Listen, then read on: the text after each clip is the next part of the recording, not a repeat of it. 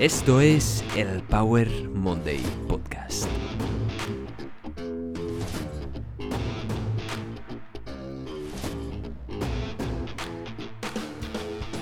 Bienvenidos al Power Monday Podcast, soy Pauto, apasionado de fitness, motivación y ciencia.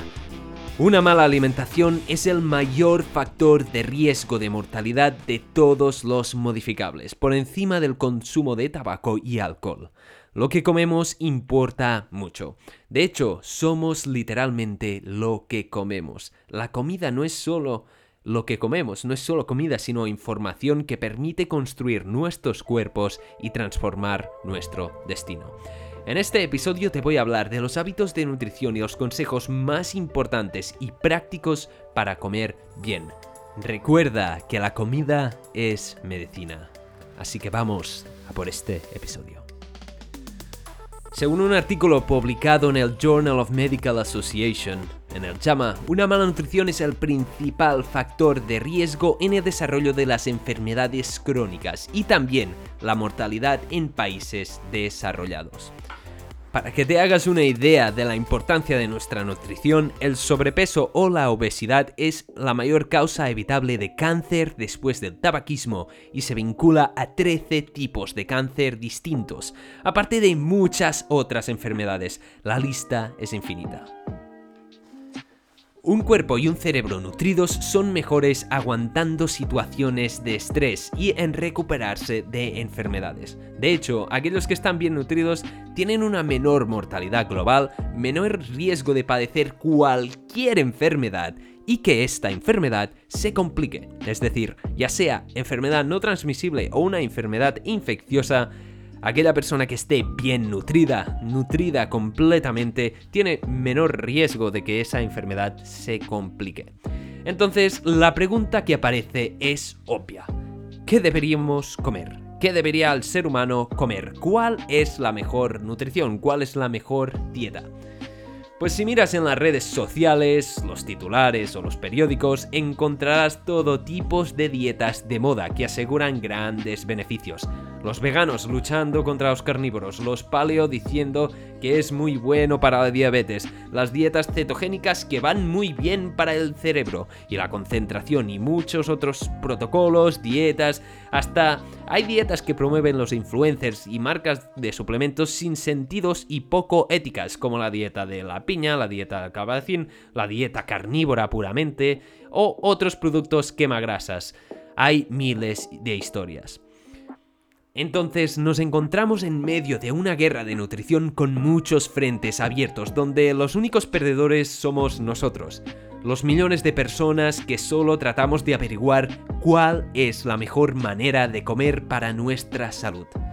Así que hoy voy a tratar de darte otro enfoque, otro enfoque para que encuentres la mejor nutrición para ti, una nutrición que ayude a tu salud, ya que es muy curioso como distintas dietas, ya sea omnívora, vegana, vegetariana, alta en grasas y baja en carbohidratos, o al revés, alta en carbohidratos y baja en grasas, dietas cetogénicas, mediterráneas, como todas estas dietas consiguen resultados tan positivos para la salud, mejorando enfermedades distintas y marcadores metabólicos de mucha gente. Pero si estas dietas son tan distintas las unas de las otras, ¿cómo puede ser que consigan unos resultados tan beneficiosos, tan parecidos? ¿Es que existe una dieta especial para cada uno? Pues bien, la razón es que la mayoría de principios básicos de todas las dietas que tienen evidencia son los mismos.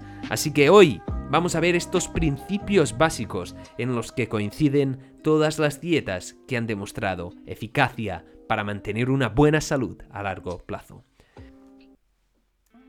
Cuando analizamos las dietas y nutrición que tiene evidencia científica de verdad, la mediterránea, la vegetariana, la vegana, la bajo en carbohidratos, la paleolítica, la DASH, todas coinciden en que son dietas basadas en plantas, altas en fibra, con grasas saludables y mucho color.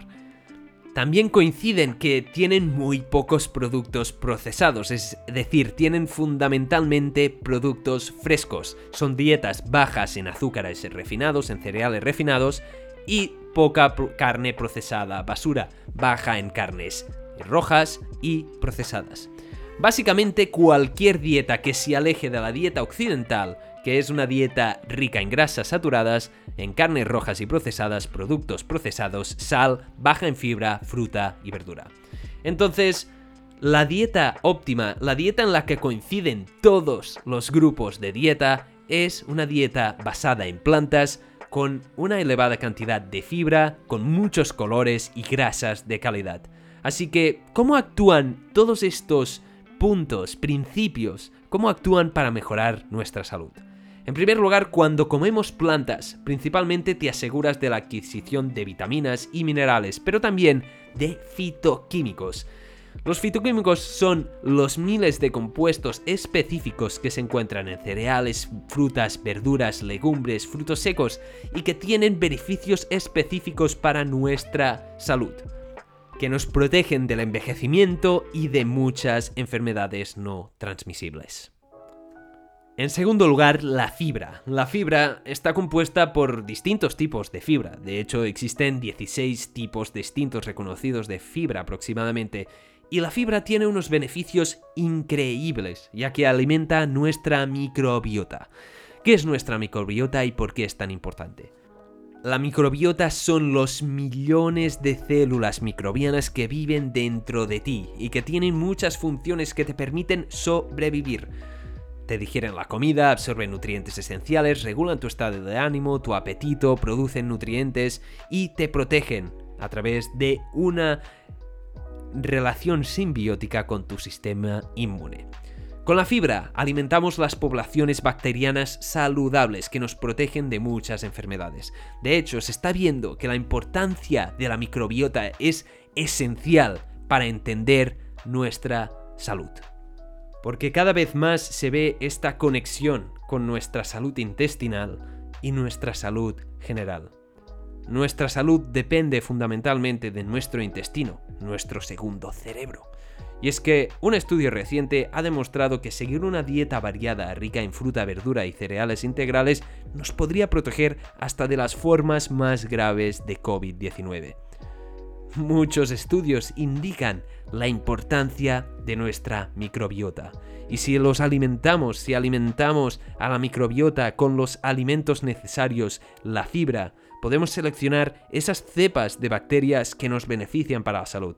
En cambio, si les alimentamos con productos procesados altos en grasas saturadas, los productos típicos de una dieta occidental, como las carnes rojas, los productos procesados, ricos en azúcares, los cereales refinados, vemos cómo nuestra microbiota hace una transición a perfiles no saludables. De hecho, existen estudios brutales con la microbiota. Te voy a poner un ejemplo. Cogieron la microbiota de una persona obesa y se la trasplantaron a un ratón a través de un trasplante fecal. Ese ratón se volvió obeso.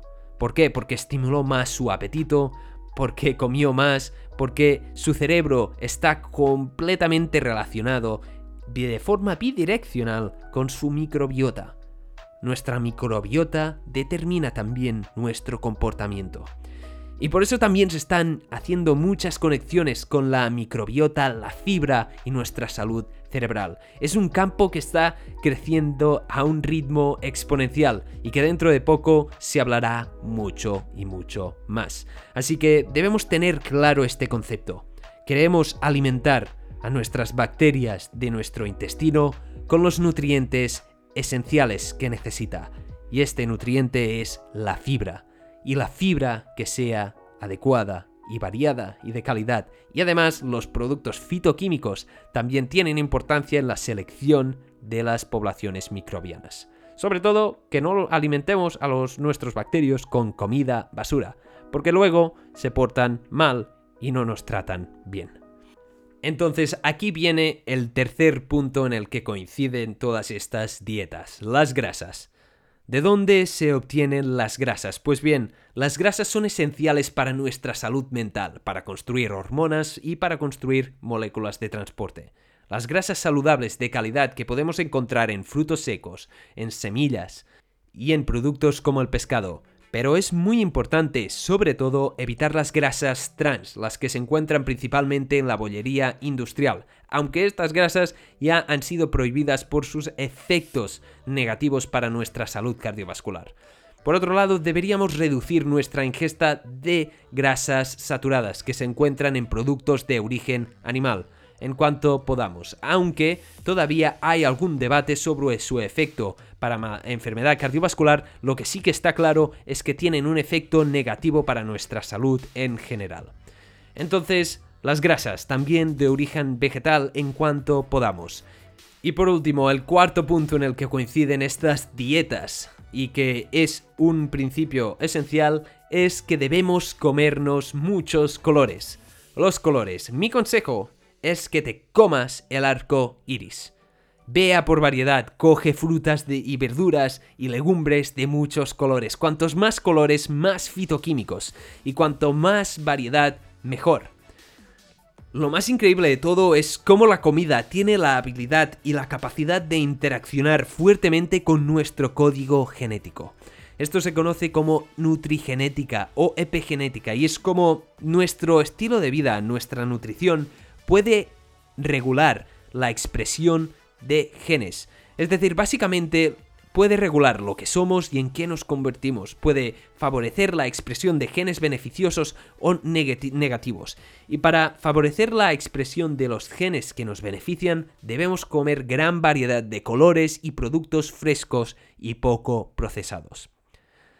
La OMS ha declarado que comer una dieta con estas características que cumpla estos rasgos reduce el riesgo de padecer obesidad, malaltías cardiovasculares, enfermedades renales, enfermedades del comportamiento como ansiedad, depresión, todo tipo de cánceres, enfermedades autoinmunes y la lista sigue y sigue y sigue. Y nos puede dar más tiempo de vida, aumentar nuestra esperanza de vida y sobre todo, lo más importante para mí, mejorar nuestra calidad de vida, porque no queremos vivir para siempre mal. Lo que se ve es que la gente que come mejor vive más y mejor, es decir, tiene mejores años, tiene una mejor vida.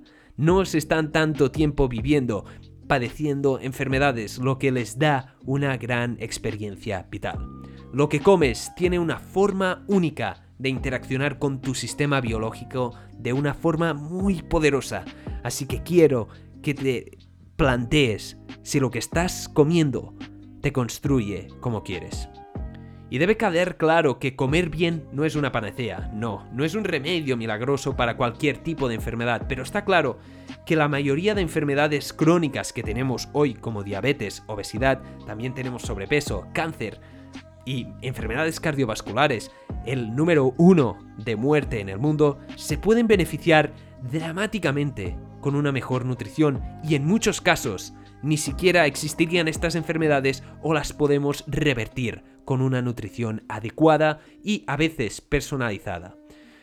Entonces, Resumiendo toda la evidencia científica con distintos patrones de alimentación, lo que está claro es que debemos basar nuestra dieta en plantas, en productos no procesados, productos frescos, productos con mucha variedad y con grasas saludables.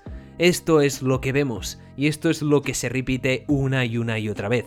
Pero, ¿por qué parece tan difícil entender que debemos comer más fruta, más verdura, más legumbres y frutos secos y reducir el consumo de productos altamente procesados y las carnes rojas? Si esto se viene diciendo desde hace mucho tiempo. Eh, pero aún así, las enfermedades no transmisibles derivadas de la mala nutrición siguen aumentando. ¿Cómo puede ser? Pues bien, si bien la dieta óptima no existe, lo que está claro es que la nutrición depende de muchos factores aparte de lo que comemos. Existe el factor cultural y histórico, donde tenemos ciertas tradiciones que nos gusta repetir, aunque no sean saludables para nosotros, existe nuestra educación y nuestro ambiente, y también existen las vías de recompensa y otros factores como el marketing y distintas empresas que han hackeado básicamente las vías de recompensa de nuestro cerebro y han conseguido productos increíbles que que dan mucho placer a nuestro cerebro y hoy en día es más difícil que nunca comer bien porque existen estos productos procesados tan deliciosos, tan buenos que han hackeado nuestras vías de recompensa tan bien que no queremos comer otra cosa. Y es que debemos estar atentos y debemos ser conscientes de lo que comemos y por qué lo comemos. Y esto no quiere decir que no existan buenos productos procesados. El gazpacho, por ejemplo, es un producto procesado que es súper saludable. Y no por ser procesado un alimento es malo, pero en general los productos procesados que son hiperpalatables, es decir, que tienen mucha sal, que tienen mucha azúcar y que estimulan fuertemente a nuestro cerebro, no suelen ser buenos para nuestra salud. Así que cuidado con los productos procesados. Entonces, te voy a dar 5 consejos basados en la ciencia que te puedan ayudar a llevar esta mejor alimentación para llevarte al siguiente nivel en tu salud. Primero de todo, debe quedar claro este principio fundamental. La alimentación es un estilo de vida y debemos eliminar este concepto de mentalidad de dieta, ya que la alimentación tiene, como decían, muchos otros factores, no solo la dieta. Debemos centrarnos entonces en comer mejor, en realizar mejores decisiones que no en hacer dieta. Y pensar en el largo plazo, no existe ninguna dieta buena a corto plazo.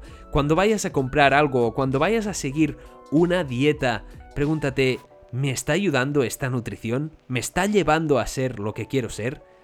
¿Qué lleva esto? Y cómo me puede beneficiar a mí. En segundo lugar, tengo otro consejo. Las dietas milagro no existen. Cualquier dieta que te prometa unos resultados increíbles a corto plazo, te está engañando o lo va a pagar a costa de tu salud. Así que olvídate de los influencers y de las marcas de suplementos que promueven dietas rápidas y milagrosas. Una solución rápida la solución rápida real es utilizar el sentido común, consultar con profesionales y no con modelos de Instagram. Los cambios radicales no existen. Debemos pensar nuevamente en nuestra alimentación, no en una dieta rápida y a corto plazo. El tercer consejo es que la suplementación nutricional jamás podrá compensar una mala alimentación y aunque la suplementación tiene su lugar y de hecho en algunos casos es necesario como la suplementación de B12 en dietas veganas y vegetarianos, y quizás para la mayoría de la población ya que no tenemos unos niveles adecuados de B12 actualmente por muchos motivos, debemos considerar la suplementación como la última acción o como una ayuda y jamás como la base de nuestra nutrición. El cuarto consejo, y este es muy muy importante, es que bebas la mejor bebida del mundo, el agua.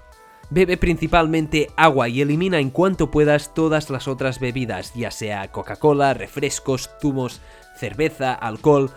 Trata de eliminarlo todo en cuanto puedas. Recuerda que beber agua suficiente puede regular tu sensación de apetito y que es crucial para mantener unos niveles adecuados de energía y concentración. Otras bebidas que sí que podría tolerar son las infusiones. Las infusiones ya sea de té o de otras plantas que sí que pueden tener efectos beneficiosos para nuestra salud. Así que no te enfades si digo que el agua es mejor que el té matcha. Pero en mi opinión lo es. Es más importante. El quinto consejo que tengo para ti es que te olvides del peso ya que como comenté en el episodio 26, si quieres echarle un vistazo, el peso es un mal marcador o indicador de nuestra salud y no debes dejar que tu peso defina tu nutrición. Por último, quiero añadir un hábito que no es nutricional, pero que sí que sirve para nuestra nutrición, que es tomar el sol diariamente como mínimo 30 minutos para producir vitamina D y evitar la deficiencia de vitamina C. En resumen, los hábitos son un estilo de vida a vivir, no una meta, y debemos considerar la alimentación como uno de los pilares fundamentales de nuestra salud y de nuestros hábitos. La dieta más mortal es la occidental, y es aquella rica en alimentos fritos, dulces, carnes procesadas, carnes rojas, y baja en frutas, verduras, legumbres y frutos secos. Trata de evitar esta dieta. No te digo que no pruebes algún producto de estos de vez en cuando. Son buenos y están deliciosos, pero debes entender que si que te quieres de verdad y quieres y amas tu cuerpo, no deberías comer eso de forma regular. Recuerda, empieza a añadir más plantas poco a poco a tu dieta. Y oye, todavía estoy esperando que me venga un obeso porque come demasiado brócoli o porque come demasiadas verduras integrales. Así que añade un poco más de productos. Y, ¿sabes? Los productos vegetales son deliciosos y tus papilas gustativas se pueden adaptar en menos de dos semanas a un cambio de nutrición más basado en plantas. Así que puedes probar la infinidad de platos deliciosos que existen en Internet basados en plantas, ya sean veganos, ya sean vegetarianos o mediterráneos.